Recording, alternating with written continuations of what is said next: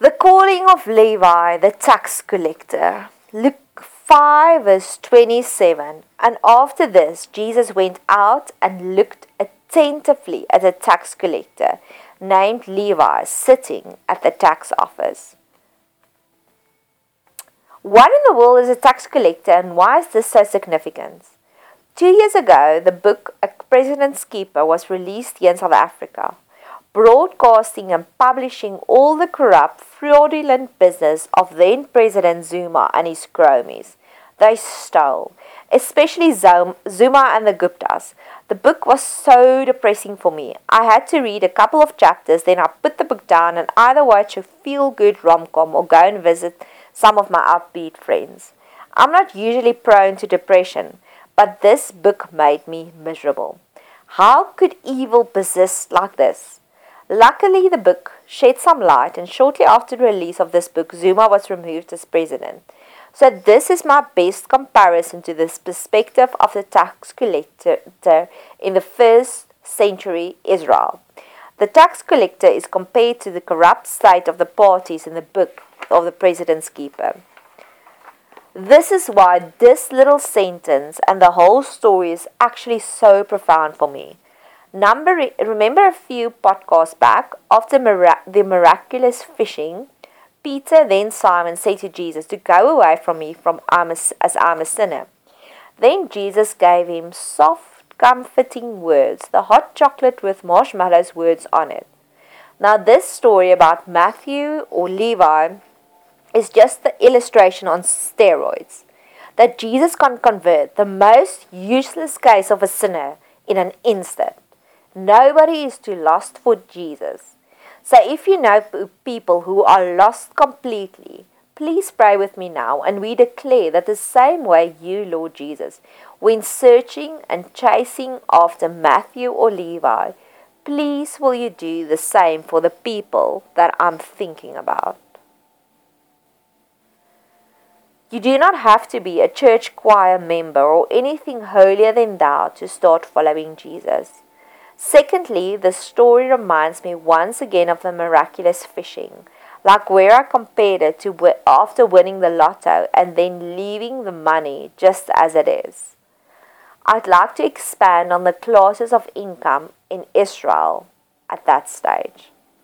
The first one, when the imperial elites, that was all the really very, very, very, very rich people, and it was the Romans, and it was only 0.04% of the population. Then you get the regional or provincial elites, that was 1% of the population, and that was also the Romans. Then you get the municipal elites, and that was 1.76, so 2%. So that's where Matthew or Levi most probably were, because he was a tax collector. He was in the office of the Romans. Then you get the next seven percent, and that's where most of the um, the Jewish people come came in. Some of the no, not most, some of them, um, and that was the people that had quite a successful farming business, and then also military veterans, people that was in the military. So it was jointly Jewish people and jointly Roman people. Then the fifth clause was the stable, near substance level. So that was the people that was just living above the bread line, or they were almost not making it. And that's where most of your Jewish people came in. That was your farmers, all the freed persons, um, most likely also where Joseph, Jesus' father, came in, and that was 22%. And then after that, it's the people that living beneath the bread line. That was 40% of it. So can you see that actually only 10% of the people were middle and high class, and the rest was either living beneath the bread line or they were very poor. The last 30% were the widows, unattached widows, orphans, beggars, um, the prostitutes, and the prisoners.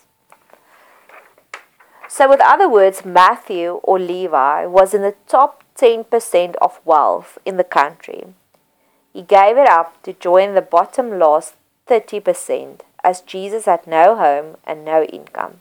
He became homeless for Jesus basically, in a second, in an instant.